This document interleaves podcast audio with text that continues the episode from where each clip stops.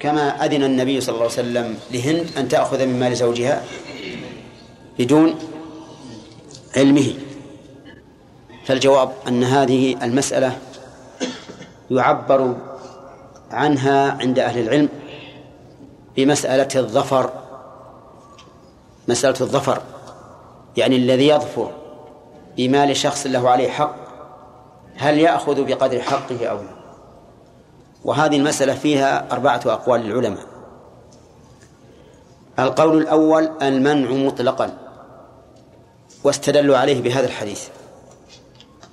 القول الثاني الجواز مطلقا واستدلوا عليه بالآية فمن اعتدى عليكم فاعتدوا عليه بمثل ما اعتدى عليكم حتى إن ابن حزم رحمه الله قال يجب أن تأخذ من ماله بمقدار ما ما لك؟ لأن الله أمر قال فاعتدوا عليه بمثل ما اعتدى عليكم لكن هذه مش ذاته لأن قوله فاعتدوا ليس على سبيل الوجوب بل على سبيل الإذن والإباحة. ولهذا لو لو لو, لو أسقطت حقك وسمحت كان هذا جائزا بالاتفاق.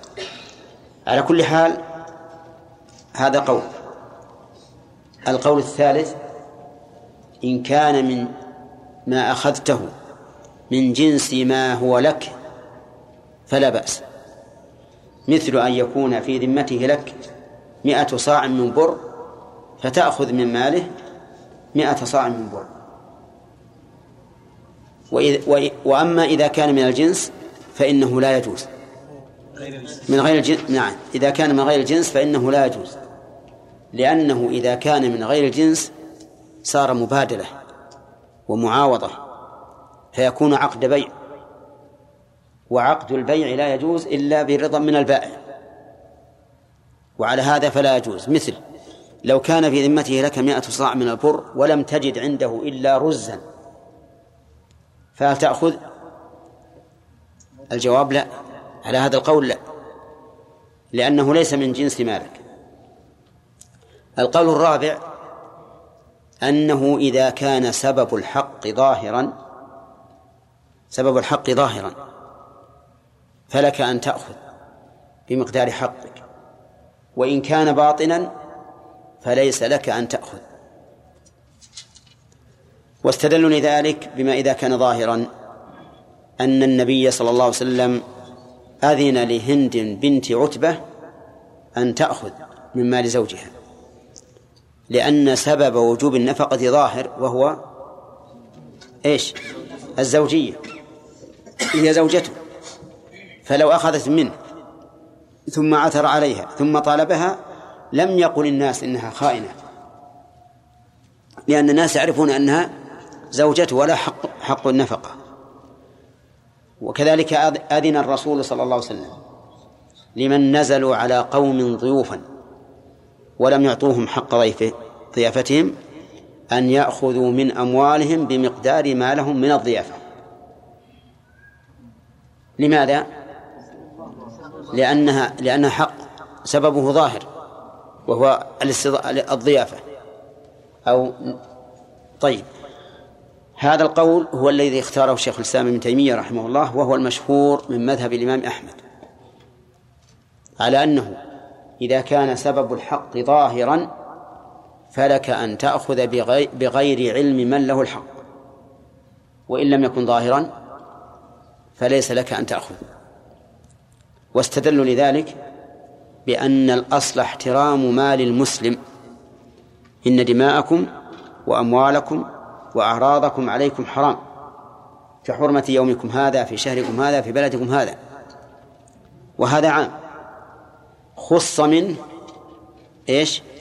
ما دل الدليل على جوازه وهو أخذ المرأة من مال زوجها كحديث هند وأخذ الضيوف من مال من استضافوه ولم يضفهم. طيب هل مثل ذلك الأب لو قصر الابن بالنفقة أو الأخ لو قصر أخوه بالنفقة الواجبة أو لا؟ ها؟ نعم مثله. وعلى هذا فنقول الأصل في الأموال التحريم. فلا يحل لأحد أن يأخذ من مال أخيه شيئا إلا بدليل شرعي. وقد دل الدليل على جواز أخذ من له النفقة ومن له الضيافة. فنقتصر على ما دل عليه الدليل. وأما قوله فمن اعتدى عليكم فاعتدوا عليه فقد بينا أن هذا في العدوان الظاهر. إنسان ضربك اضرب إنسان نهب منك مالا انهب المال اللي معه. وما أشبه أشبه ذلك. أما الأشياء الخفية فلا. ولأنه لو أجيز الأخذ بما سببه خفي لكان في ذلك فوضى بين الناس. يعني كل واحد يقول أخذت من ماله لأني أطلبه ثم يكون هناك فوضى. هات بينة وقد يعسر استرجاع الحق منه وأما الحديث الذي معنا لا تخو من خانك فليس فهو بمعزل عن, بمعزل عن هذا كله. لأن الذي ائتمنك جعلك أمينا. والأمين لا يجوز أن يكون خائنا. لأن ذلك ينافي مقتضى العقد فلا فلا تخن من خانك. ثم قال المؤلف وعن وعن يعلى رواه الترمذي وأبو داود وحسنه وصححه الحاكم واستنكره أبو حاتم الرازي وأخرجه جماعة من الحفاظ قال وهو شامل للعارية. شامل للعارية في أي في أي الجملتين؟ في قوله أد الأمانة إلى من ائتمنك.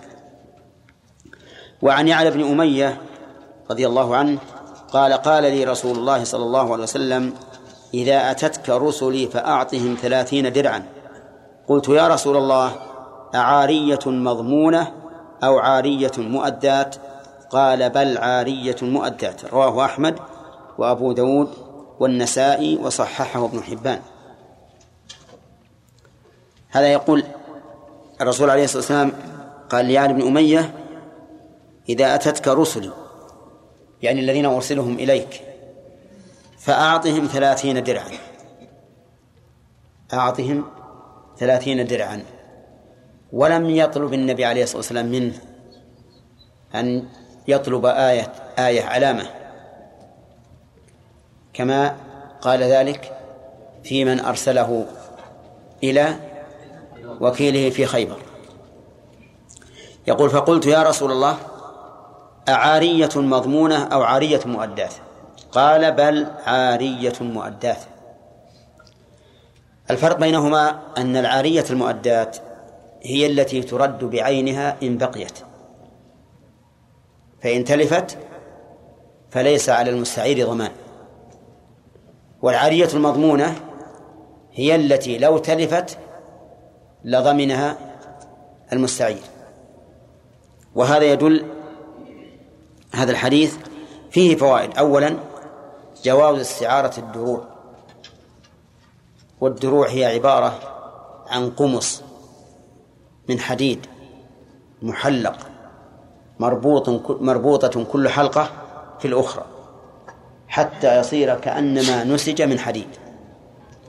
يتخذه الناس عند القتال ليتقوا به رؤوس السهام لأن السهم إذا ضرب الحديد ما ينفذ. وجعل حلقا ليسهل التحرك فيه. وهو موجود. يعني أظنه عند بعض الناس هنا يطلع من, من أراد أن يطلع عليه يطلع عليه. وفيه دليل على أن العارية حسب شرط المعير على المستعير.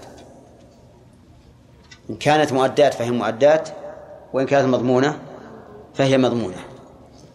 ولا إشكال. في أنه إذا وجد الشرط فالحكم على حسب الشرط. لكن إذا فقد الشرط فهل هي مؤدات أو مضمونة؟ في هذا خلاف بين أهل العلم فمنهم من قال إنها مؤدات ومعنى مؤدات أنه لا ضمان على المستعير إلا بتعد أو تفريط لقوله صلى الله عليه وسلم أد الأمانة إلى من ائتمنك. وهذه أمانة. ومنهم من قال إنها ليست مضمونة إلا أن يشترط. فإن اشترط فهي مضمونة سواء تعدى أو فرط. واستدلوا بهذا الحديث وبالذي بعده وبعموم قوله صلى الله عليه وسلم المسلمون على شروطهم. إلا شرطا أحل حراما أو حرم حلالا. وعلى هذا فتكون مضمونة إن إيش؟ إن شرط لا إن شرط أنها مضمونة. وإن لم يشترط فلا ضمان. ما لم يتعدى أو يفرط. القول الثالث أنها مضمونة ما لم يشترط عدم الضمان. فإن اشترط عدم الضمان فلا ضمان. وإلا فهي مضمونة. والفرق بينه وبين الأول أن الأول يقول هي مضمونة بكل حال سواء فرط أو ما فرط أو لم يفرط تعدى أو لم يتعدى. طيب والقول الصحيح في هذا أنها ليست مضمونة إلا بالشرط. أنها ليست مضمونة إلا بالشرط. وذلك لأنها أمانة داخلة في عموم الأمانات. التي ليس فيها ضمان إلا بتعد أو تفريط. فإن شرط ضمانها فعلى ما شرط لأنه هو الذي ضيق على نفسه. إن شرط المعير ضمانها والتزم المستعير فهو الذي ضيق على نفسه. مثال ذلك استعار منك شخص كتابا. فقلت له عليك ضمانه فالتزم. فهنا يضمن الكتاب ولا لا؟ سواء تعدى أو فرط أم لم يتعدى ولم يفرط لأنه شرط عليه؟ طيب فإن شرطت عدم الضمان. نعم فلا ضمان. فلا ضمان. وإن سكت ففيه خلاف. هل تضمن أو لا تضمن؟ والصحيح أنه لا ضمان. ويستثنى من ذلك ما مر علينا. إذا تلفت العارية فيما استعيرت له. مثل المنشفة إذا تساقط خملها فإنه لا ضمان عليك. وكذلك الكتاب. الكتاب لا شك أنه مع الاستعمال والتقليب يضعف تجليده فليس عليك ضمان. لماذا؟ لأنه آه، استعمل أو آه، تلف فيما استعمل فيه له. فليس فيه ضمان. طيب. يقول عن صفوان بن أمية رضي الله عنه أن النبي صلى الله عليه وسلم استعار منه دروعا يوم حنين قبل أن يسلم. فقال أغصب يا محمد؟ يعني أهي غصب. فقال النبي صلى الله عليه وسلم بل عارية مضمونة. بل عارية مضمونة يعني علينا ضمانها لو تلفت. في الأول قال الرسول بل عارية مؤدات. وهنا قال عارية مضمونة. لأن هذا كافر لم يسلم بعد. فأراد النبي عليه الصلاة والسلام أن يطمئن قلبه بأنها مضمونة. فأعاره أعاره. ولما أسلم وأراد النبي صلى الله عليه وسلم أن يردها عليه تسامح فيها. وقال يا رسول الله إني أسلمت. يعني وإني أريدها لله عز وجل. فصار صار ذلك خيرا له. ففي هذا الحديث دليل على فوائد. أولا جواز استعارة أدوات الحرب من الكافر. لأن النبي صلى الله عليه وسلم اشترى استعار هذه الدروع من صفوان قبل أن يسلم. ويقاس على الدروع كل عتاد الحرب. لكن بشرط أن نأمن من غشه. أما إذا لم نأمن فإنه لا يجوز أن أن نشتريه. أن نشتريه منه. وذلك لأنه أي الكافر عدو للمسلمين. عدو للمسلمين بكل حال. كما ذكر الله تعالى في عدة آيات من القرآن يا أيها الذين آمنوا لا تتخذوا عدوي وعدوكم أولياء. ويا أيها الذين آمنوا لا تتخذوا اليهود والنصارى أولياء. بعضهم أولياء بعض. ومن يتولهم منكم فإنه منهم. إن الله لا يهدي القوم الظالمين. فهم يخشى منهم فإذا أعارونا سلاحا يعني عتادا حربيا من سلاح أو دروع أو وقاية من أشياء مهلكة أو ما أشبه ذلك فإنه لا بأس به بشرط إيش؟ بشرط أن نأمن منهم. ومن ذلك أيضا إذا أعانونا على عدونا.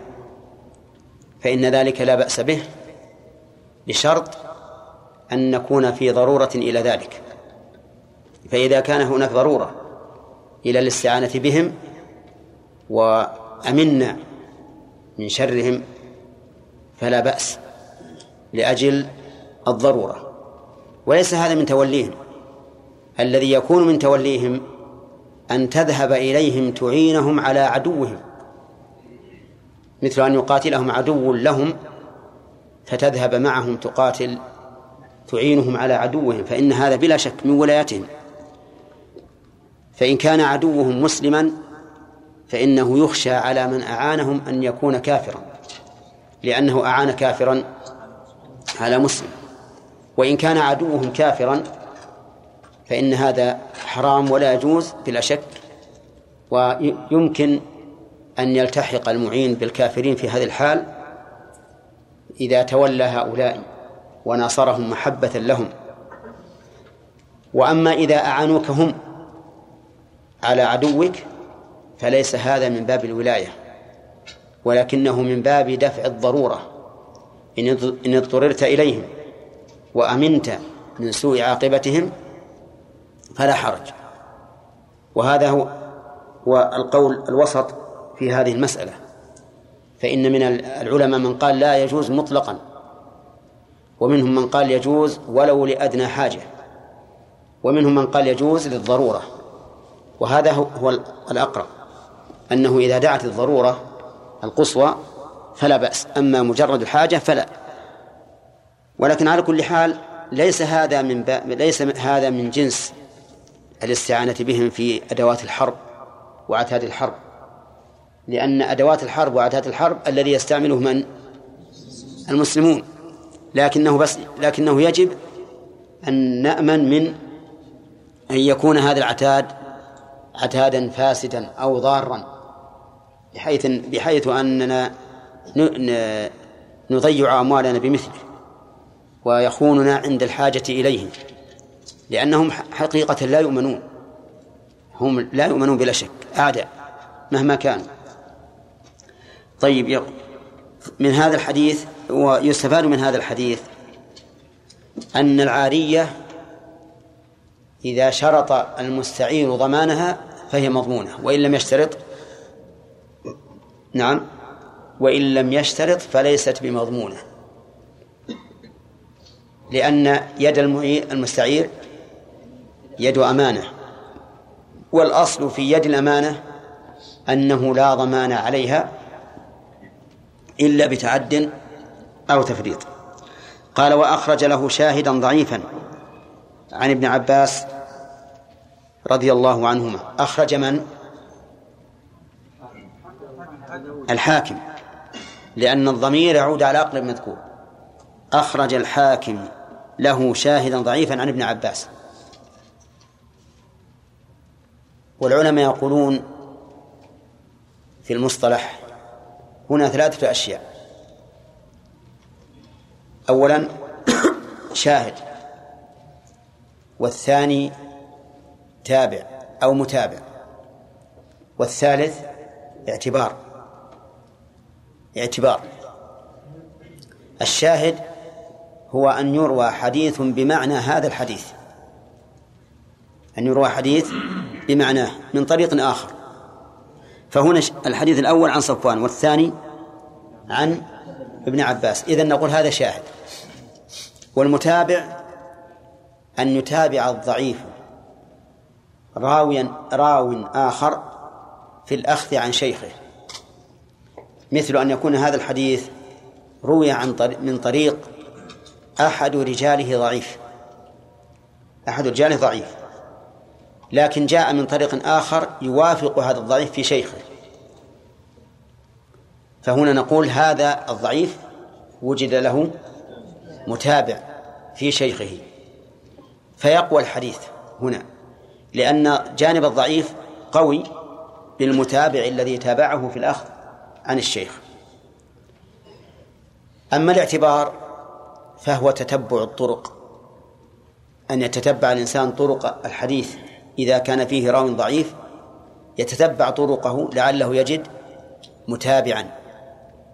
أو يتتبع جميع المسانيد لعله يجد شاهدا لعله يجد شاهدا. واعلم أننا لا نحتاج إلى المتابع ولا إلى الشاهد فيما إذا كان السند صحيحا. لأن المتابعات والشواهد إنما نحتاج إليها لتقوية الضعيف لتقوية الضعيف. فإذا استغنينا عنه فلا حاجة إلى طلب المتابع والشاهد وحينئذ لا حاجة إلى التتبع لأنه مضيعة وقت. وأخرج له شاهدا ضعيفا عن ابن عباس رضي الله عنه. ذكرنا الاعتبار. من السائل؟ ذكرنا ماذا قلنا؟ أن الإنسان يتتبع الطرق طرق هذا الحديث الذي نريد فيه المتابع أو أو الطرق عموما إذا أردنا إيش؟ إذا أردنا الشاهد يا إخوان. أصل كل التتبع للتقوية. لكن إن تتبعنا سند هذا الحديث المعين فنحن الآن نطلب إيش؟ متابع.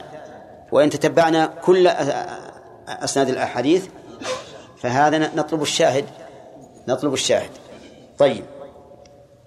ولكن يجب أن نعلم أن الشاهد إذا كان الضعيفان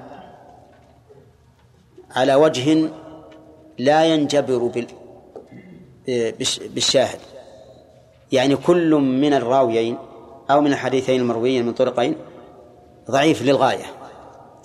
مثل أن يكون كل من الراويين عن هذا الشيخ متهما بالكذب. الضعف هنا شديد.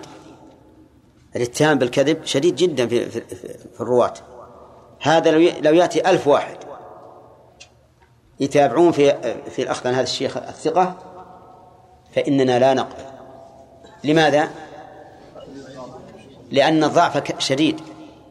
وإذا كان الضعف شديد شديدا فإن الحديث لا يتقوى بالمتابع ولا بالشاهد أيضا. لكن إذا كان الضعف يسيرا فإنه يقوى حتى يصل إلى درجة الحسن لكن درجة الحسن لغيره حسن لغيره. نعم. قلنا يعني يجوز الاستعانة بالكفار للضرورة نعم. لكن ما الجواب عن عن الحديث عن النبي صلى الله عليه وسلم؟ قال إن لما جاءه المشرك ليجاهد معه قال لا نستعين بالمشرك. نعم صحيح لأنه ليس بحاجة له. ليس بحاجة له نعم. قولا حديث ولا تكون نعم. ذكرت انه انه قد يكون من باب أولى ولا تكون من لم يكن. ظاهر الحديث. نعم. أو يستفاد من القياس. نعم. وش الراجح؟ إيه. الراجح فيها الظاهر إنه إنه إن الحديث يدل عليه بالمنطوق. بالمنطوق. نعم. جزاك الله خير يا شيخ. هل يكتفى بتحسين أو تصحيح طريق ما؟ يعني مع عدم النظر في في بقيه الطرق؟ مع العلم بأنه قد تكون هناك علة خفية لا تعرف إلا بالتتبع لا على كل حال إذا كان الحاكم عليه بالصحة والحسن إذا كان من الحفاظ المشهورين فهو يكتفى به. أما إذا كان من من غيرهم فليتتبع لأنه أحيانا أحيانا يقول إنه صحيح أو حسن لطرقه ثم إذا تأملت وإذا لا, لا يصل إليه هذا إذا نقول في الجمع بين هذا الحديث حديث أبي هريرة نعم مع الآية ومع حديث تكون زيادة من خيانة يعني من مثل من مثل خلاف لا نقول إن, نقول إن النصين لم لم يردا على شيء واحد. كل واحد له جهة. هذا في الخيانة وهذا في أخذ الحق. وهذا مثلا إذا خان الأحد على الغير. نعم. وهو يأخذ حقه. هذا حقه ما هو لكن- ما يسمى خيانة أي ما يخالف. هذا إذا أخذ حقه بدون خيانة هذه مسألة هي اللي فيها الخلاف. لكن لو أعطاني ماله قال خذ هذا جزاك الله خير حطه أمانة عندك. وأنا أطلبه مثلا مئة ريال وجاحد. أنا أطلب مئة ريال وجاحد حقي. وأعطاني مئة ريال قال خذها أمانة. هذا هو هو مورد حديث أبي هريرة. لا تخن من خانك. أما رجل جحد لي مئة ريال وقدرت على أخذ مئة ريال من ماله فهذا هو موضع الخلاف الذي يسمى مسألة الظفر. نعم. صفوان بن أمية هذه يعني حالة صفوان بن أمية من الضعف وقوة النبي صلى الله عليه وسلم على يعني كأمير آه، جماعة كأمير أمة ها؟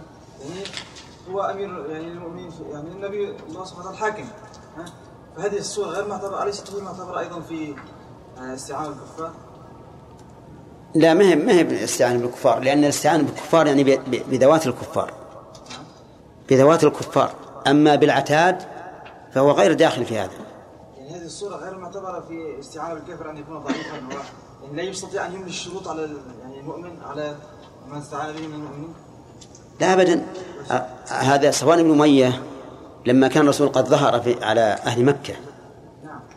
ظهر عليه مكة. ظن أن أن الرسول سيأخذها منه بالقوة. فقال أغصب أغصب يا محمد. أنا أقصد لو جاء أمير أو حاكم أمة مسلمة. نعم.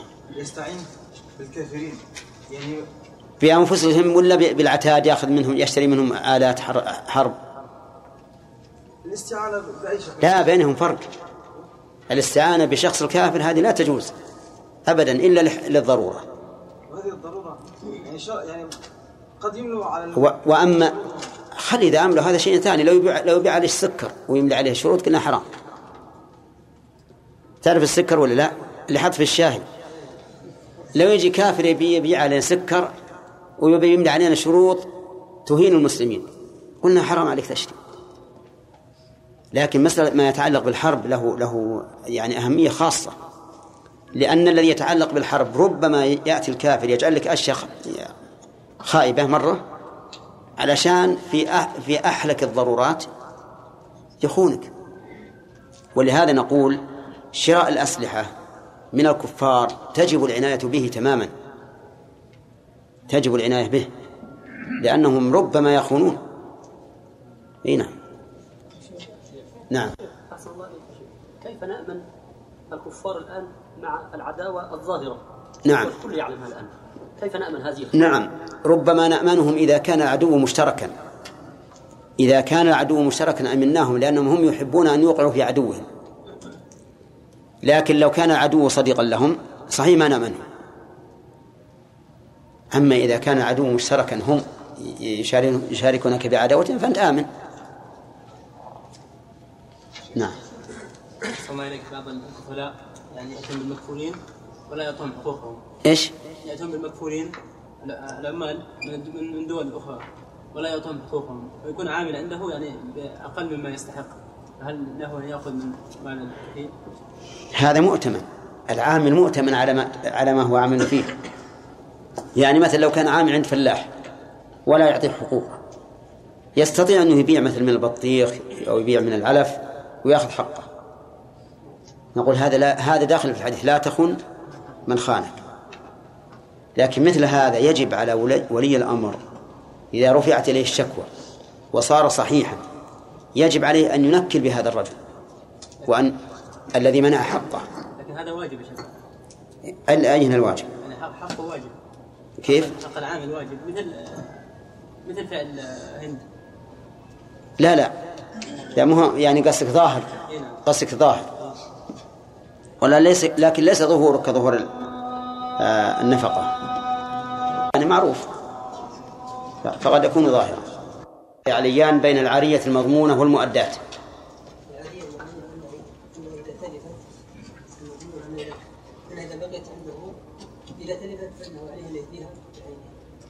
كيف؟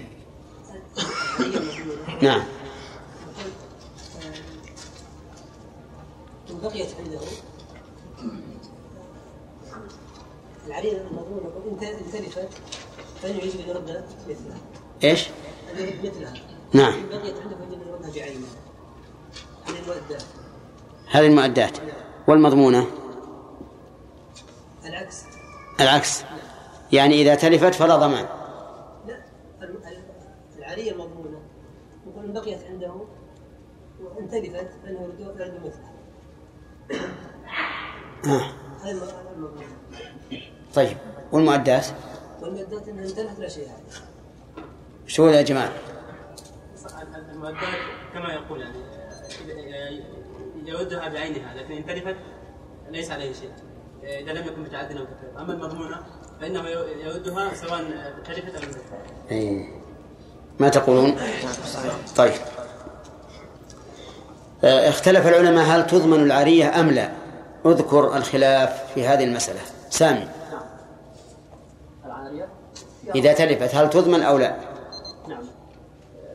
يا شيخ إن هي لو كانت مؤداه لا ضمان عليه ولكن إذا فرط أو تعدى. بدون تفريط أو تعديل. يعني أنه يضمنها إن تعدى أو فرط وإلا فلا. نعم. طيب هذا واحد. والقول الثاني إن شرط. إن شرط ضمنها ضمن نعم. وإن لم يشرط فلا. ضمان. نعم. والقول الثالث. والقول الثالث أن الصحيح أنها في الشرط يعني إن شرط إلى ان يشترط عدم الشرط. شلون؟ عدم الضمان. ها؟ يعني يعني مضمونة إلا أن يشترط؟ عدم الضمان. عدم الضمان. نعم. ما تقولون؟ هذه أقوال كم؟ ثلاثة. أنها مضمونة مطلقا. والثانية أنها مضمونة إن شرط الضمان. والثالث أنها مضمونة ما لم يشرط عدم الضمان.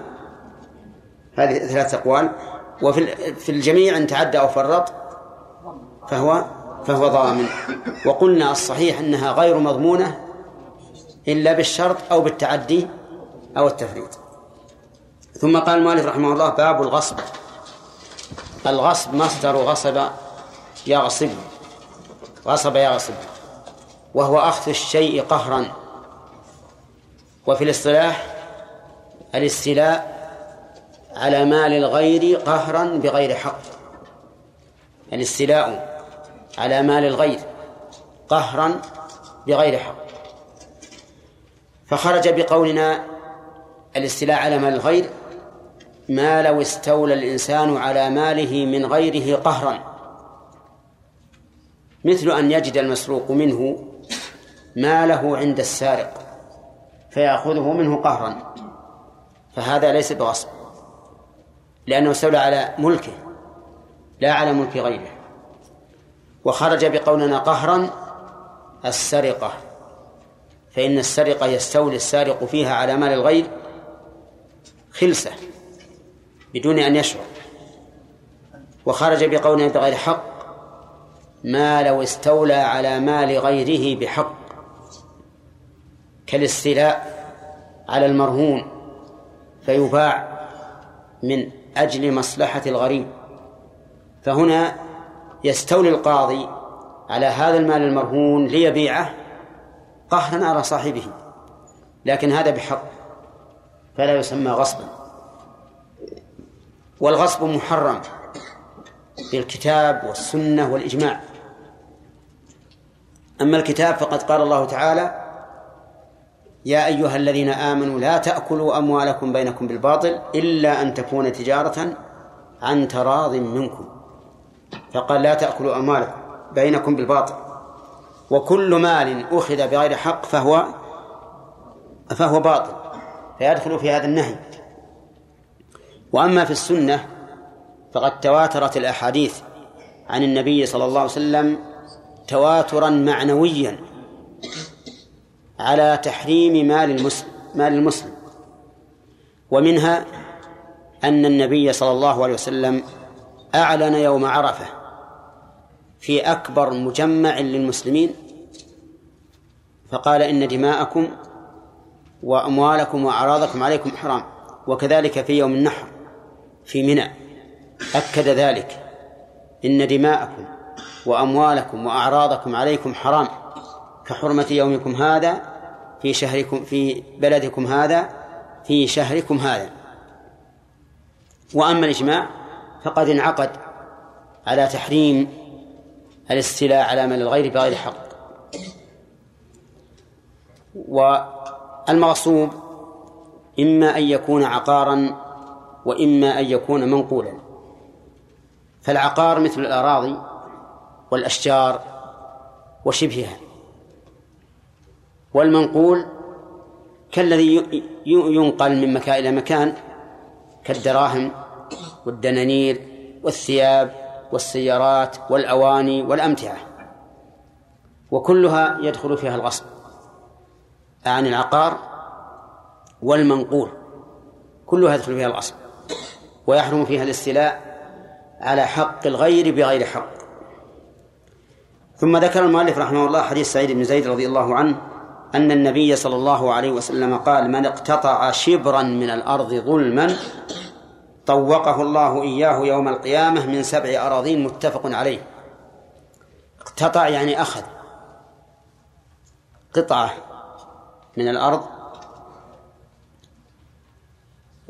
ظلما. اقتطع شبرا من الأرض ظلما. الشبر هو ما بين رأس الخنصر والإبهام عند مد الأصابع. ها كذا. ما بين هذا وهذا هذا الشبر وكان هو المقياس منذ عهد بعيد. لأنه في الحقيقة متر لازم للإنسان دائما. كل إنسان معه متر إذا اعتبرنا الشبر. وكذلك إذا اعتبرنا الذراع. وهو ما بين رأس المرفق إلى رأس الأصبع الوسطى. هذا ذراع وهو المقياس. وكذلك الباع ما بين الخطوتين عند مد الرجل. هذا أيضا مقياس. ثم ظهرت المقاييس الأخيرة فجعل ذراع بالحديد وعرف أيضا من قديم ذراع الحديد. وثم ظهرت المقاييس المقاييس الأخيرة وهي المتر وفروع. لكن أدنى شيء يقدر به في عهد الرسول عليه الصلاة والسلام في الغالب الشبر وإن كان قد يقاس بالأنملة كما في قص المرأة رأسها عند النسك شبرا من الأرض. وفي رواية البخاري من اقتطع شيئا فيشمل الشبر فما دونه وما فوقه. وقوله شبرا هذا تقدير بالأقل تقدير بالأقل للمبالغة للمبالغة. وما كان تقديرا للمبالغة فليس له مفهوم لا قلة ولا ولا كثرة. ففي قوله تعالى من يعمل مثقال ذرة خيرا يره ومن يعمل مثقال ذرة شرا يره. فإن عمل دون ذلك نعم يره وكذلك أيضا ما ورد في, في الأكثر مثل إن تستغفر لهم سبعين مرة فلن يغفر الله لهم فلو استغفر أكثر لم يغفر لهم. المهم أن ما قصد به المبالغة قلة أو كثرة فإنه لا مفهوم له. وقوله صلى الله عليه وسلم ظلما ظلما هذه متعلق بقول اقتطع يعني الذي عمل فيها كلمة اقتطع اقتطع. فيحتمل أن تكون مصدرا في موضع الحال أي من اقتطع شبرا من الأرض ظالما ظالما. ويحتمل أن تكون صفة لمصدر محذوف.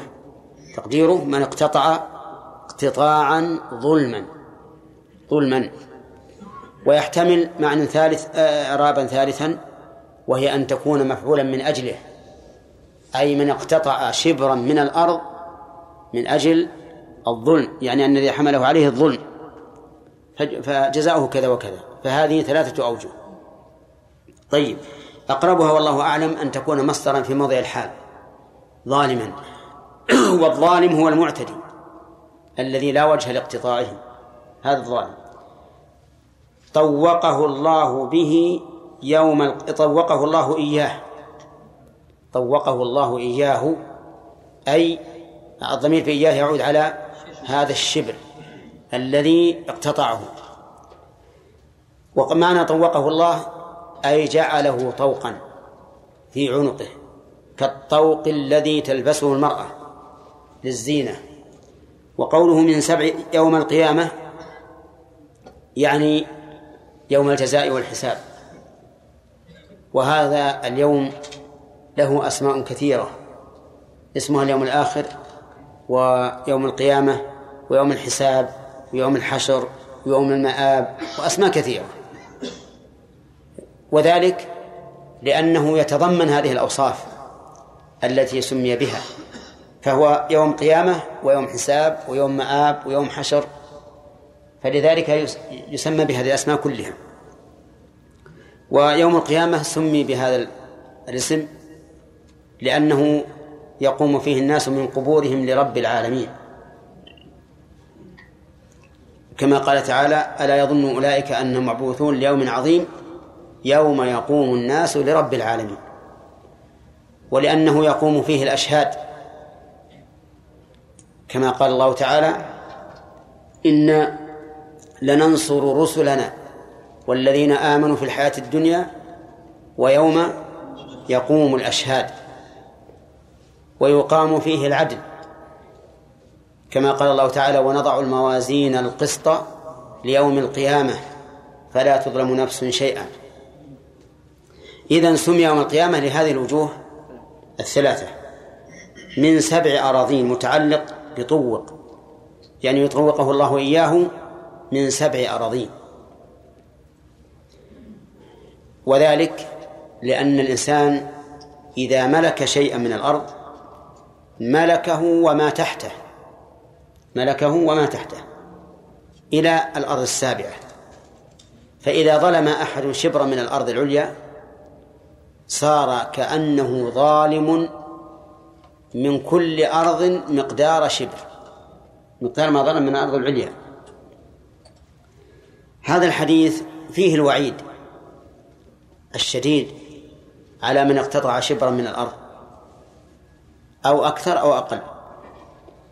وفيه أيضا أن من اقتطع شبرا من الأرض بحق فليس فليس عليه شيء. لأن مفهوم قوله ظلما أنه إذا لم يكن ظلم ظلما فليس فيه وعيد. مثل لو أن رجلا له جار له جار في الأرض فجاء هذا الجار فأدخل جزءا من أرض جاره على أرضه. فجاء الآخر الذي قد أخذ من أرضه ما أخذ فأدخل الذي أخذ منه إلى أرضه. فهذا لا شك أنه قد اقتطع شبرا من الأرض أو أكثر لكن بحق لأن الأرض أرضه فلا يلحقه هذا الوعيد. وفيه أن هذا العمل من كبائر الذنوب. يعني اقتطاع الإنسان شبرا من الأرض من كبائر الذنوب. وجهه أن فيه وعيدا في الآخرة. وكل شيء فيه حد في الدنيا أو وعيد في الآخرة أو نفي إيمان أو ترتيب غضب أو تبرؤ منه أو ما أشبه ذلك فإنه من كبائر الذنوب. بل قال شيخ الإسلام رحمه الله كل شيء رتب عليه عقوبة خاصة في الدنيا أو في الآخرة فإنه من كبائر الذنوب. وذلك لأن المحرمات نوعان. نوع يذكر أن هذا شيء محرم أو ينهى عنه مثلا ولكن لا يذكر فيه وعيد. فهذا يكون من الصغائر. ونوع آخر يذكر فيه وعيد يعني يرتب عليه عقوبة خاصة خاصة به فبهذا يكون هذا الشيء من كبائر الذنوب. ومن فوائد هذه الحديث هذا الحديث أن الجزاء من جنس العمل. وذلك أن هذا الرجل لما تحمل هذا الإثم بالنسبة للأرض جوزي بأن يتحمل العقوبة بمثله يوم القيامة وفيه إثبات يوم القيامة وهذا شيء دل عليه السمع والعقل. يوم القيامة دل عليه السمع والعقل. أما القرآن أما السمع ففي القرآن آيات كثيرة تدل على ثبوت هذا اليوم. وأما السنة فكذلك. فيها أحاديث كثيرة تدل عليه. كما قال النبي عليه الصلاة والسلام يحشر الناس يوم القيامة حفاة عراة غرلا.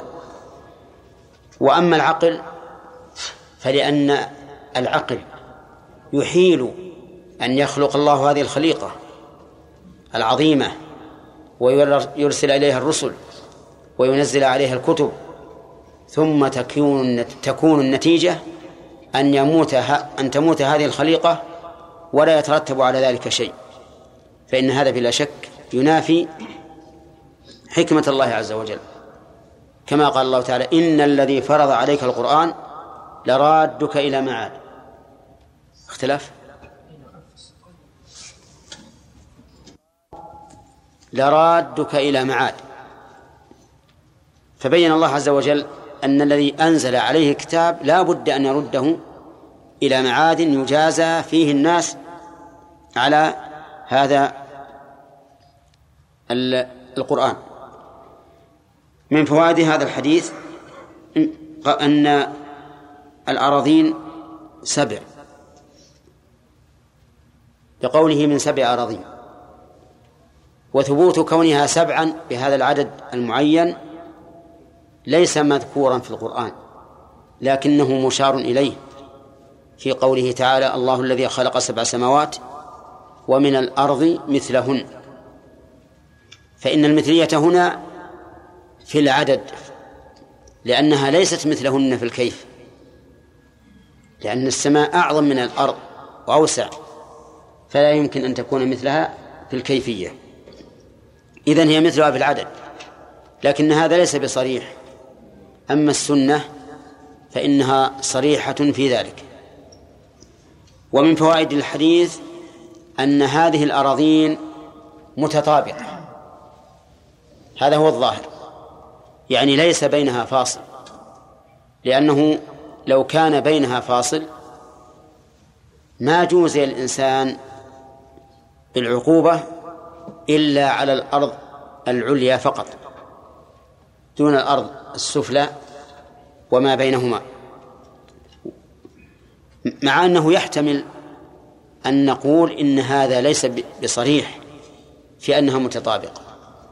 لأنه إذا كانت الأراضين إذا كانت الأراضون السفلى ليس فيها سكان يعمرونها فإنه يكون لمن في الأرض العليا الحق في هذه الأراضين. ومن فوائدها من فوائد هذا الحديث ما ذكره الفقهاء رحمهم الله أن القرار تابع لما فوقه كما أن الهواء تابع لما تحته. فالإنسان يملك ما تحت أرضه إلى الأرض السابعة ويملك ما فوق أرضه إلى السماء. فلو أن أحدا أراد أن يحفر سربا تحت أرضه فله أن يمنعه له أن يمنعه. ولو أراد أن يخرج جناحا من بنائه على هواء جاره فله أن يمنعه من ذلك. لأن الإنسان يملك ما تحت إلى الأرض السفلى وما فوق إلى السماء الدنيا. نعم. ومن فوائد هذا الحديث أن يوم القيامة لا يقاس بيوم بأيام الدنيا لأن تطويق الشخص من سبع أراضين بمقدار ما غصب من الأرض العليا أمر يبدو مستحيلا في الدنيا. ولنفرض أنه اقتطع أميالا ظلما فإنه يطوق إياه يوم القيامة كما أخبر النبي صلى الله عليه وسلم بذلك. وهذا لا يمكن في الدنيا أن أن يتحمله الإنسان.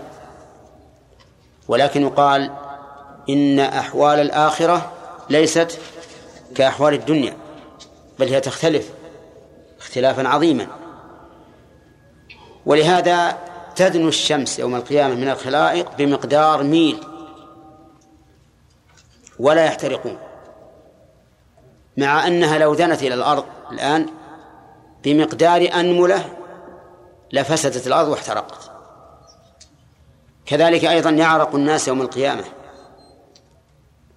فمنهم من يبلغ العرق إلى كعبيه ومنهم من يبلغ إلى ركبتيه ومنهم من يبلغ إلى حقويه ومنهم من يلجمه العرق وهم في مكان واحد. في مكان واحد. كذلك أيضا في يوم القيامة نور المؤمنين يسعى بين أيديهم وبأيمانهم وغير المؤمنين في ظلمة في ظلمة. وهذا أيضا لا يمكن أن يكون في الدنيا. إذن فأحوال الآخرة لا يمكن أن تقاس في أحوال الدنيا أبدا لوجود الفارق العظيم. والأبدان يوم القيامة تعطى طاقة عظيمة أكثر من طاقتها اليوم. لأنها تنشأ للبقاء لا للفناء. أما في الدنيا فإنها تنشأ ليش؟ للفناء. ولكن في الآخرة تنشأ للبقاء. فتكون الطاقات في ذلك اليوم غير الطاقات غير الطاقات في هذا اليوم. يتفرع على هذه القاعدة. أننا لا نورد على أنفسنا ولا على غيرنا كيف يكون كيف يكون ذلك. كيف يكون ذلك؟ ليش؟ ها؟ لوجود الفارق. نعم لا لوجود الفارق العظيم بين هذا وهذا. ويتفرع على هذا أيضا أنه إذا كان هذا الاختلاف بين الخلق لاختلاف الدارين فما بالك بالاختلاف بين الخلق والخالق؟ وعلى هذا فلا يمكن أن نقول في شيء من صفات الله لا في شيء من صفات الله يستحيل أن يوجد في صفات المخلوقين لا يمكن أن نقول كيف ولما فمثلا علو الله عز وجل فوق المخلوقات كلها أمر ثابت. ونزوله إلى السماء الدنيا نفسه أمر ثابت أيضا. وهذا يبدو بالنسبة للمخلوق. إيش؟ ها؟ عجيب يا جماعة. يبدو بالنسبة للمخلوق أمرا مستحيلا. لكنه بالنسبة للخالق ليس بمستحيل. أي ليس بمستحيل أن يكون الله فوق كل شيء وهو نازل إلى السماء الدنيا لأن لأن الله لا يقاس بخلقه. وهذه قاعدة ينبغي لكم أن تفهموها. أنه لا يمكن أن يقاس الغائب أتم بالشاهد لا يمكن. فإذا صح النقل عن صفة من صفات الغائب وجب قبوله ولا نقيسه بالشاهد. ثم قال المؤلف رحمه الله وعن أنس بن مالك رضي الله عنه أن النبي صلى الله عليه وسلم كان عند بعض نسائه فأرسلت إحدى أمهات المؤمنين مع خادم لها بقصعة فيها طعام فضربت بيدها فكسرت القصعة فضمها وجعل فيها الطعام وقال كلوا ودفع القصعة الصحيحة للرسول وحبس المكسورة رواه البخاري والترمذي وسمى الضاربة عائشة وزاد فقال النبي صلى الله عليه وسلم طعام بطعام وإناء بإناء وصححه. آه، طيب. آه، أدخل المؤلف رحمه الله هذا الباب في باب الغصب لأنه داخل في في تعريف الغصب. الاستيلاء على إيش؟ على مال الغير بغير حق. نعم. لكن قهرا بغير حق. لكنه هذا الحديث ليس غصبا و يعني واضحا. لأنه إنما فيه اعتداء لا غصب. هذه القصة كان النبي صلى الله عليه وسلم عند بعض نسائه وهي عائشة بنت الصديق. الصديقة بنت الصديق رضي الله عنها. وكانت أحب نساء النبي صلى الله عليه وسلم إليه. وكانت رضي الله عنها أشد نساء النبي صلى الله عليه وسلم غيرة فيه لشدة محبتها له. وكانت أيضا أصغر نسائه. فاجتمع في حقها ثلاثة, ثلاثة أسباب. شدة الغيرة وصغر السن. والثالث شدة المحبة. فيجري منها هذا الشيء. ليس بغريب أن يجري من هذا الشيء. أرسلت إليها إحدى نساء نساء الرسول وهي زينب بنت جحش رضي الله عنها. أرسلت إلى النبي صلى الله عليه وسلم طعاما وهو في بيت عائشة. وهذا شيء عظيم عند الضرة أن ترسل إليها ضرت أن ترسل إليه ضرتها بطعام وهو عندها. لأن هذا يثيرها.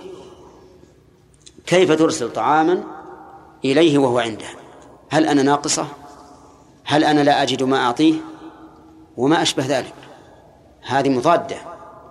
فلما جاء بها الرسول نعم يقول ضربت بيدها فكسرت القصعة. يعني ضربت القصعة حتى سقطت على الأرض وتكسرت. وهذا أيضا يدل على قوة الضربة. لأن القصعة لو سقطت من يد الإنسان وهو واقف سقوطا عاديا ها لم تتكسر. لكن لقوة الضربة تكسرت القصعة ولكن الرسول عليه الصلاة والسلام أعقل الناس وأحلم الناس. عرف أن الحامل لها على هذا الفعل قوة الغيرة. والإنسان والغيرة يا جماعة الغيرة مثل الغضب. قد يفقد الإنسان فيه فيها تصرفه ولا يستطيع أن يملك نفسه فلم يعنفها لم يعنفها ولم يوبخها. ضم القصعة هكذا وجعل الطعام فيها. والظاهر والله أعلم أن هذا الطعام لا يتأثر إذا تناثر في الأرض ولعله كان تمرا. فضمه وجعل فيها الطعام. وقال كلوا ودفع القصعة الصحيحة. قصعة من؟ قصعة عائشة للرسول. وحبس المكسورة لعائشة.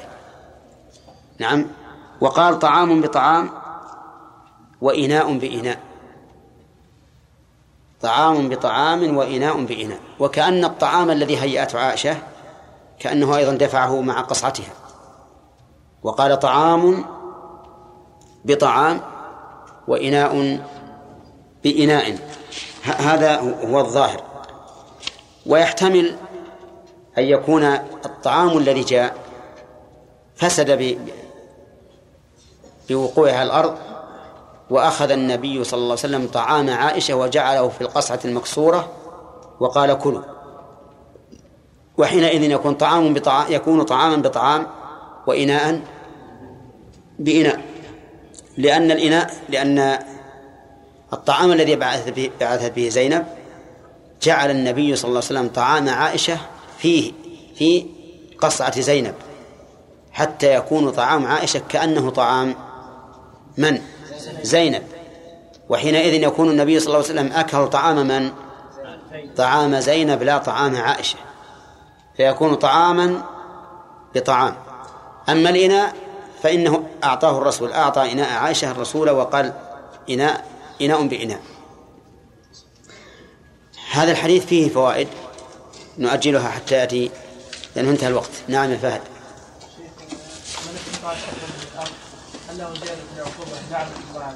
كيف؟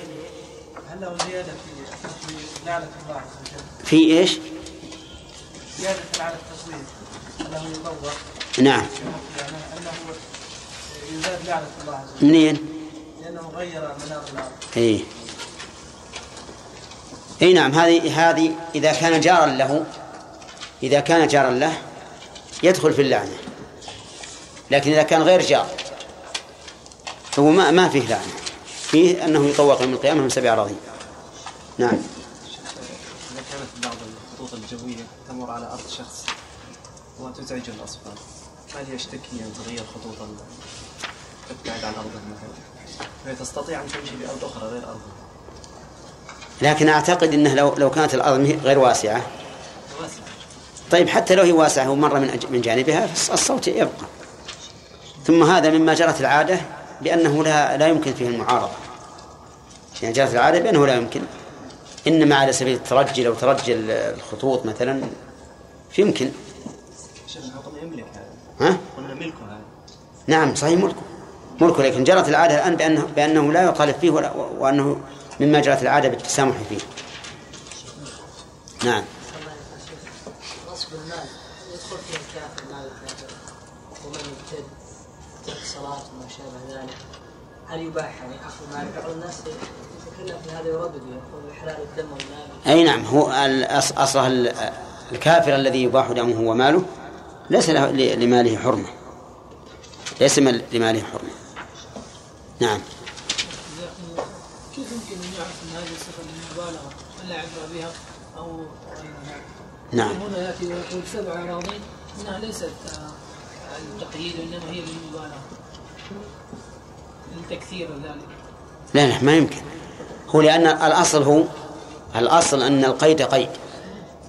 لكن مثلا شبرا من الأرض نعلم أنه لو اقتطع أقل من الشبر جوزي على ذلك. نعم. نعم. ها؟ ما يوجد فيها ضابط معين معروف الشبر معروف هو من أقل ما يكون من التقدير بمساحة الأرض. فما. فما فوقه من باب أولى. ما فوقه من باب أولى. وما دونه فهو داخل فيه لأن المقصود بالشبر المبالغة. ولهذا قال من يعمل مثقال ذرة شرا. مثقال ذرة شرا يراه. نعم. قوله صلى الله طعام بطعام لا يمكن يكون يعني على سبيل المكافأة فإنما حفظ حق عائشة. إيش؟ أقول على سبيل المكافأة طعام على شب... المكافأة؟ مكافأة إيش؟ مكافأة الطعام الذي جاء. يعني كأنما هدية مقابل هدية فيحفظ حق عائشة. كيف؟ وش- شلون يحفظ حق عائشة؟ هو الرسول صلى الله عليه وسلم ما أرسل طعام عائشة. ما أرسل. ما أرسل. هذا احتمال. إذا قلنا إن الطعام الذي أرسل إليه فسد. نعم. فهو ما أرسل فهو أكل طعام عائشة وجعله بدلا عنه. وأما إذا قلنا إنه لم يفسد فإن فيه إشكالا لأن الطعام الذي أرسل إليه كان هدية. ما يجب رده.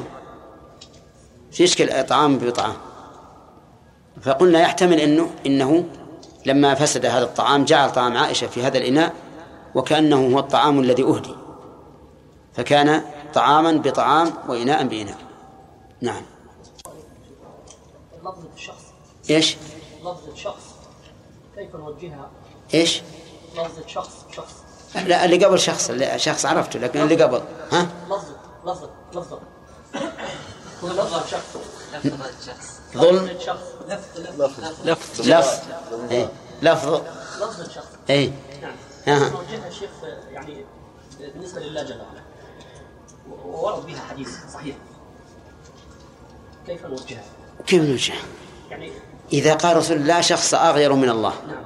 نقول نعم. سمى النبي صلى الله عليه وسلم ربه شخصا. لأن له ذاتا. لكن هل شخصية الله كشخصية أنا وأنت؟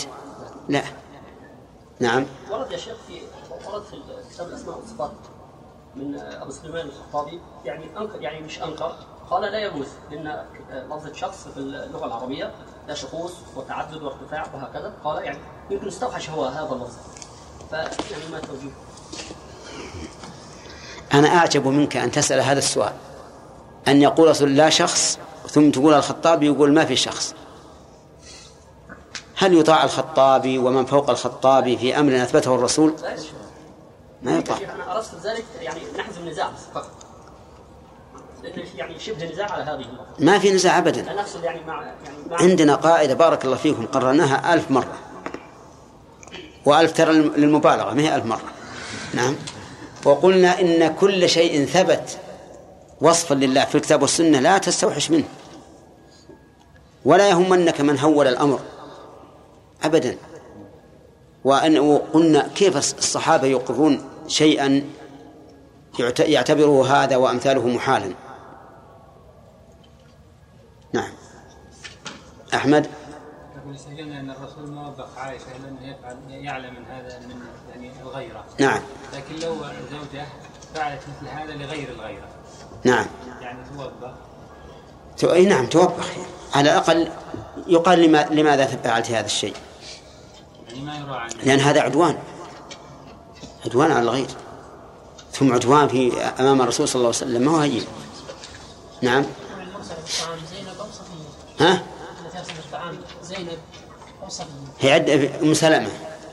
في في عدة قصص. أم سلمة مرة وزينب بن جحش كما قال ابن حزم مرة أخرى. نعم. هي المسألة متعددة. نعم. ها؟ شخص مزرعة إيه. خرجت أغصانها على مزرعة شخص آخر. هل يحق لنا أن يأكل ثمارها؟ والله بعض العلماء قال إنه يأكل من ثمارها ويسكت. ولكن الصحيح أن لا يفعل. أن يقال له اصطلح أنت وص- أنت وصاحبها إذا قال أبق الغصن ولك ثمره أو لك نصف ثمره فلا بأس. وإلا فلك الحق أن تطالبه بليه يعني يلويه إلى جهة أخرى أو أو قطعه إذا كان إذا كان لا يمكن ليه نعم. محمد وعلى آله وأصحابه أجمعين. تعريف الوصف يا هداية الله. تعريف في اللغة هو أخذ الشيء قهرا. وفي الاصطلاح أخذ مال الغير أو أخذ مال الغير قهرا. الاستيلاء على مال الغير. استيلاء على مال الغير قهرا من غير حق أحسنت. طيب. يلا زهير. إذا استولى المرتهن على الرهن فباعه عند حلول أجل الدين فهل هذا غصب أو لا؟ هذا ليس غصب. ليش؟ ما الذي أخرجه من الغصب؟ أي قيد في التعريف أخرجه؟ أخذ المال بحق؟ القيد أخذ المال بحق تعريف الغصب الاستيلاء على طيب. ما هو القيد الذي خرج به هذا السور الذي أنت تذكر؟ لم يستولي لا استولى. باع. أخذه باعه أي قيد خرج به خرجت به هذه المسألة من التعريف. من قوله بغير حق. تمام. طيب رجل وجد ماله عند شخص سرقه فأخذه. يلا جمال هذا ليس بغصب. أخذه بحق. بأي قيد يخرج؟ إذا وجد ماله عند رجل سرقه منه؟ نعم. يخرج من قوله بغير حق لا. ما يخرج بغير حق عبد الرحمن؟ الاستيلاء على مال الغير وهذا استولى على مال النفس تمام. طيب. نعم. طيب. ناخذ الفوائد والحديث الذي الذي ذكر الأخ خالد مزيني أنه لم تؤخذ فوائده. طيب يقول آه، حديث أنس رضي الله عنه كان عند أن النبي صلى الله عليه وسلم كان عند بعض نسائه. من فوائد هذا الحديث اولا أن إبهام صاحب القصة لا حرج فيه ولا يعد ذلك من كتمان العلم. إذا كان لا يتعلق بتعيينه فائدة. دليل ذلك قوله كان عند بعض نسائه فأما إذا كان يتعلق بتعيينه فائدة فإنه لا ينبغي إبهامه. طيب ومن فوائد هذه الآية من فوائد هذا الحديث اعتناء الصح... اعتناء السلف بالمعنى والقصة دون من وقعت منه إلا إذا كان في تعيينه فائدة. كقوله كان عند بعض نسائه ومن فوائد الحديث إثبات الأمومة لزوجات الرسول صلى الله عليه وسلم بالنسبة للمؤمنين. لقوله أرسلت إحدى أمهات المؤمنين. وهذا ثابت في كتاب الله. قال الله تعالى ما كان محمد قال الله تعالى وأزواجه أمهاتهم. ومن فوائد الحديث جواز استخدام الخادم لقوله مع خادم لها بقصعة وهذا هو الأصل. الأصل جواز استخدام الخادم. إلا إذا كان في ذلك محذور. فإنه إذا كان في ذلك محذور يمنع منه. كما لو خشت الفتنة أو أو الانغماس في الترف كما يوجد عند بعض الناس خدم أكثر من أفراد عائلته. يذكر أن بعض الناس لا يكون في البيت إلا هو وزوجته ومع ذلك عندهم ثلاث خدم. هذا إسراف. ومن فوائد الحديث جواز إهداء الطعام.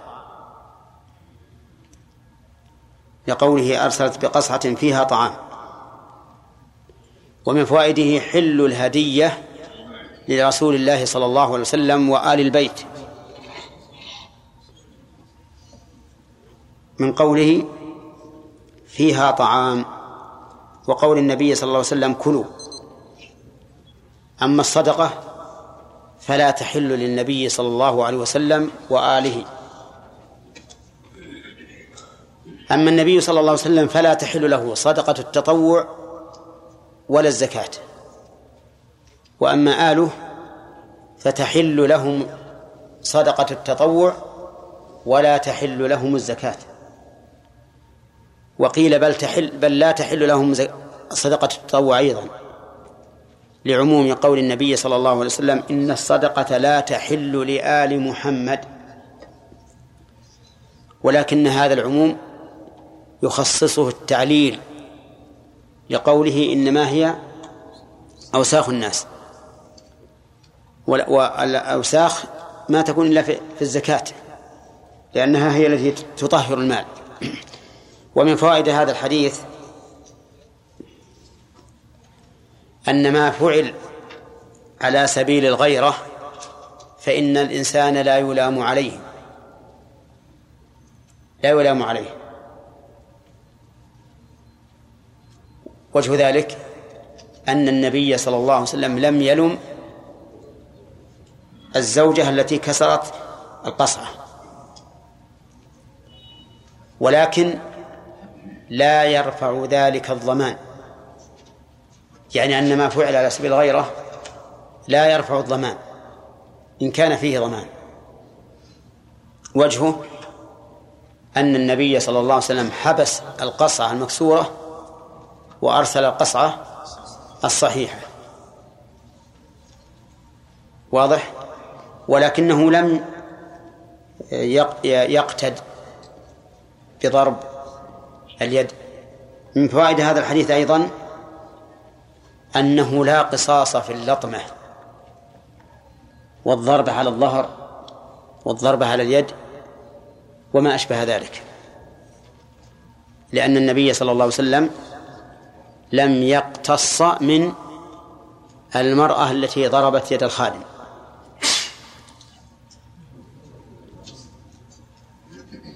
هكذا استدل بعض أهل العلم على انتفاء القصاص في اللطمة والضربة ونحوها. وقال بعض العلماء بل القصاص ثابت في الضربة واللطمة ونحوها. لعموم قوله تعالى فمن اعتدى عليكم فاعتدوا عليه بمثل ما اعتدى عليكم. وقوله وجزاء سيئة سيئة مثلها ولكن بشرط أن يؤمن التعدي في الاستيفاء بحيث يكون الاقتصاص على يد شخص. نعلم أنه لا يزيد. لأن هناك فرقا بين الضرب الخفيف والضرب الثقيل. وهذا القول هو الصحيح أن القصاص ثابت في اللطمة والضربة وشق الثوب وما أشبه ذلك. لعموم الأدلة الدالة على جواز على جواز ذلك. فإذا قال قائل لماذا لم يقتص النبي صلى الله عليه وسلم إذا قلتم بثبوت القصاص في اللطمة ونحوها فلماذا لم يقتص النبي صلى الله عليه وسلم لهذا للخادم؟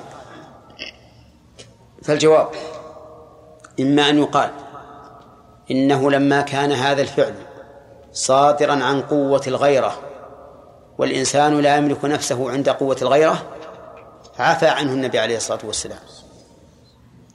وإما أن يقال إن الخادم لم يطالب بحقه. وإما أن يقال هذه قضية عين.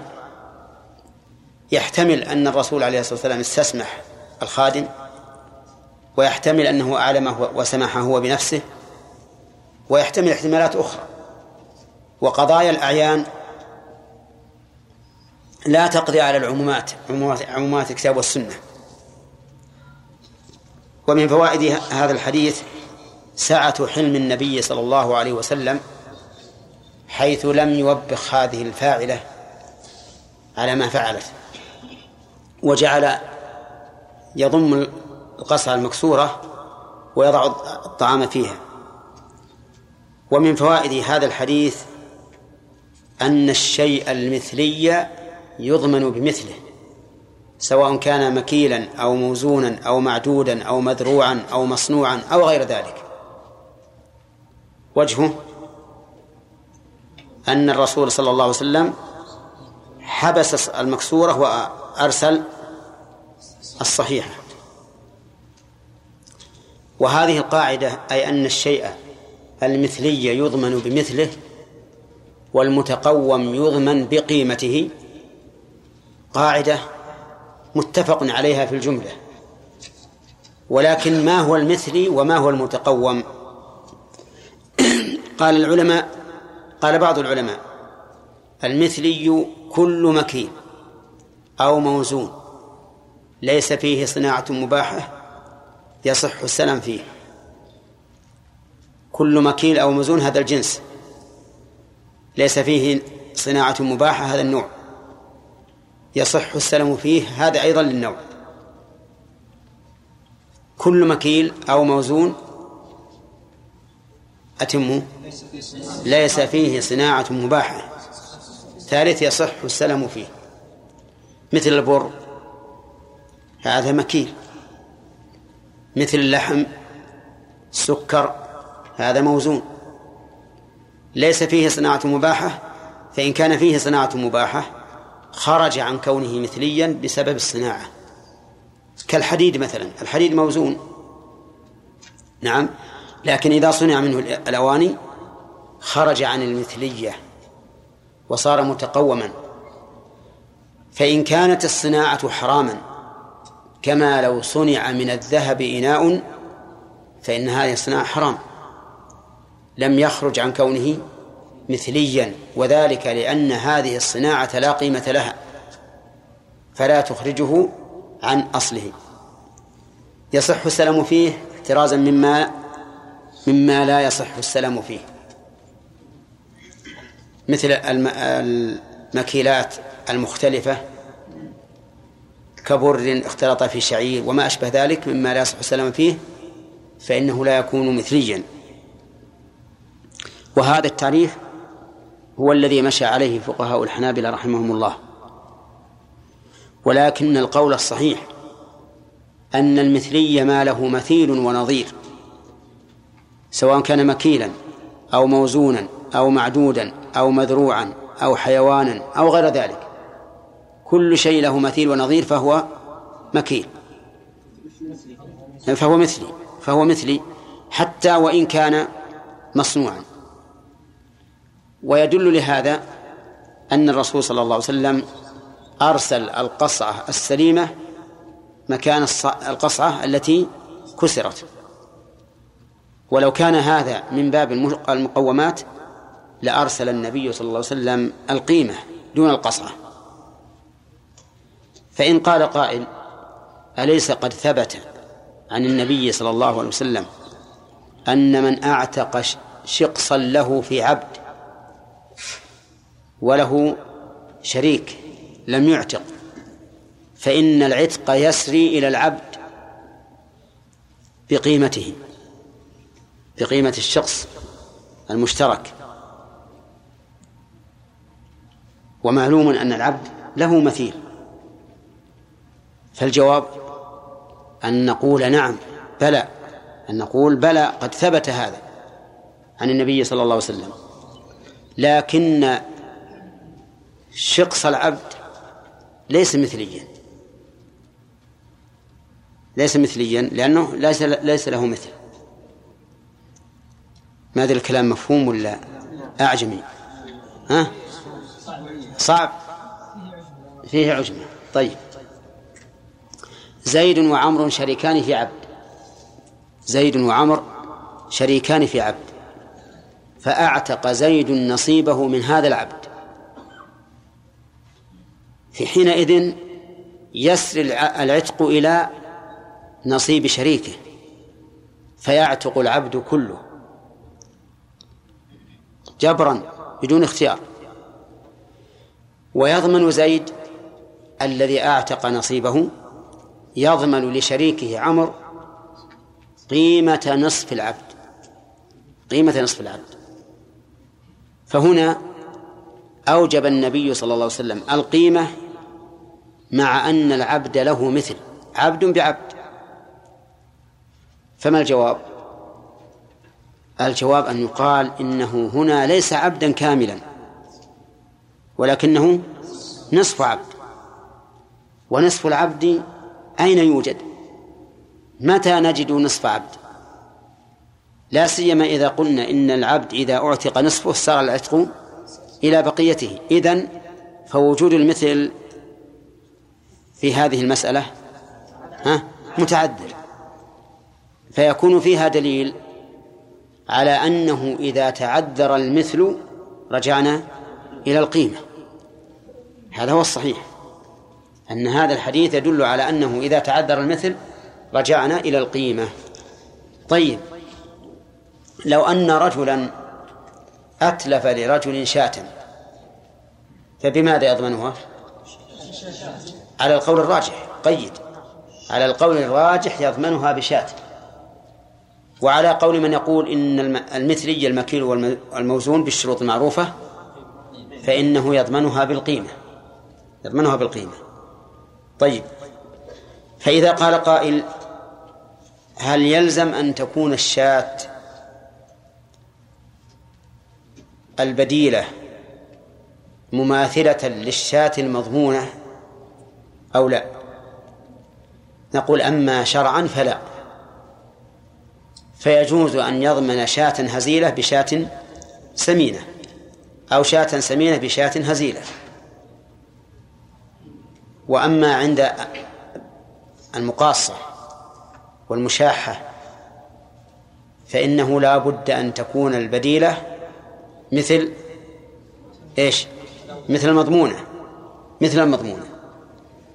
فمثلا رجل أتلف لشخص شاة شاة هزيلة تساوي عشرة ريالات وعند المتلف شاة سمينة تساوي عشرين. فقال المتلف للذي لصاحب الشاة المتلفة خذ شاتي بدلا عن شاتك. أيجوز هذا أم لا؟ يجوز. ما دام برضاه يجوز. وكذلك العكس. لو كانت الشاة المتلفة السمينة تساوي عشرين درهما وليس عند المتلف شاة إلا هزيلة لا تساوي إلا عشرة. ورضي صاحب الشاة المتلفة بالشاة الهزيلة. يجوز أو لا؟ يجوز. لأن هذا لأن الحق له. ومعلوم أن الإنسان يجوز أن يستوفي حقه بأقل من ماله وبأكثر إذا رضي الطرف الآخر. طيب إذن هذه قصعة المرأة التي كسرت قصعة الأخرى هل هي مساوية لها؟ أو مثلها؟ أو قصدها المساوية لها؟ أو أحسن منها أو أو دونها؟ ها؟ محتمل. الواقع محتمل ليس في الحديث ما يدل على هذا. وإذا كان محتمل محتملا وجب الرجوع إلى القواعد العامة وهو أن الواجب أن يضمن الشيء بمثله. ولكن إذا اختار أحد الطرفين أن يأخذ أقل من حقه أو أكثر فلا بأس. وعن رافع بن خديج رضي الله عنه قال قال رسول الله صلى الله عليه وسلم من زرع في أرض قوم بغير إذنهم فليس له من الزرع شيء وله نفقته رواه أحمد والأربعة إلا النسائي وحسنه الترمذي ويقال إن البخاري ضعفه نعم. هذا أيضا من الأصل. رجل غصب أرضا وزرع فيها. ثم خرج الزرع ونمى فلمن يكون الزرع؟ يقول الرسول عليه الصلاة والسلام ليس له من الزرع شيء. ليس له أي لصاحب الزرع الذي زرعه في أرض غيره ليس له شيء. لأن الأرض ليست له. مغصوبة ولكن له نفقته له نفقته ما هي نفقته أجرة الحرث وقيمة الحب. أما نماء الزرع فهو لصاحب الأرض لأنه نما من أرضه ومائه. فليس فليس لهذا الغاصب إلا ما أنفق وهي على هذا الزرع. والذي أنفق كما قلت لكم هو شيئان الحرث ها والحب. فيعطى قيمة الحب ويعطى أجرة الحرث. فإن قال قائل كيف لا يكون له شيء وعين ماله موجودة؟ عين ماله الذي هو الزرع موجود. لأن هذا الزرع من الحب. إن الله فالق الحب والنوى. لماذا لا تقولون إن الزرع له وعليه الأجرة لصاحب الأرض؟ قلنا قد قال بذلك من قال من أهل العلم. قد قال بذلك من قال من أهل العلم. وعلى هذا نقول الزرع لك. وأنفق عليه حتى يخلص. ولصاحب الأرض عليك أجرة المثل. أو سهم المثل. ولكن هذا القول يخالف ظاهر الحديث. ويؤدي إلى أن يعتدي الناس بعضهم على بعض. فكل من أراد أن يزرع ذهب إلى أرض فلان وفلان وزرع فيها فإذا طالبه قال أعطيك أجرة المثل أو أعطيك سهم المثل. واضح يا جماعة؟ فإذا قلنا له ليس لك شيء ليس لك شيء والنفقة التي أنفقت نعطيك إياها. حينئذ لا أحد يتجرأ لأنه إذا كان لا يأخذ إلا النفقة صار عمله وحبس نفسه على هذا الزرع ذهب هباء وحينئذ لا لا أحد يقدم على هذا العمل. فيه قول ثالث أنه ليس له شيء إطلاقا أي لصاحب الزرع. ليس له شيء إطلاقا. لقول النبي صلى الله عليه وسلم ليس لعرق ظالم حق. ليس لعرق ظالم حق. وهذا القول فيه شيء من الضعف. ولو قيل بأن هذا الزارع يعطى قيمة الزرع فقط قيمة الزرع فقط. لأن الزرع هو الذي ملكه. وأما الحرث والحبس حبس نفسه عليه فليس له شيء. لأن الحرث انتفاع بأرض غيره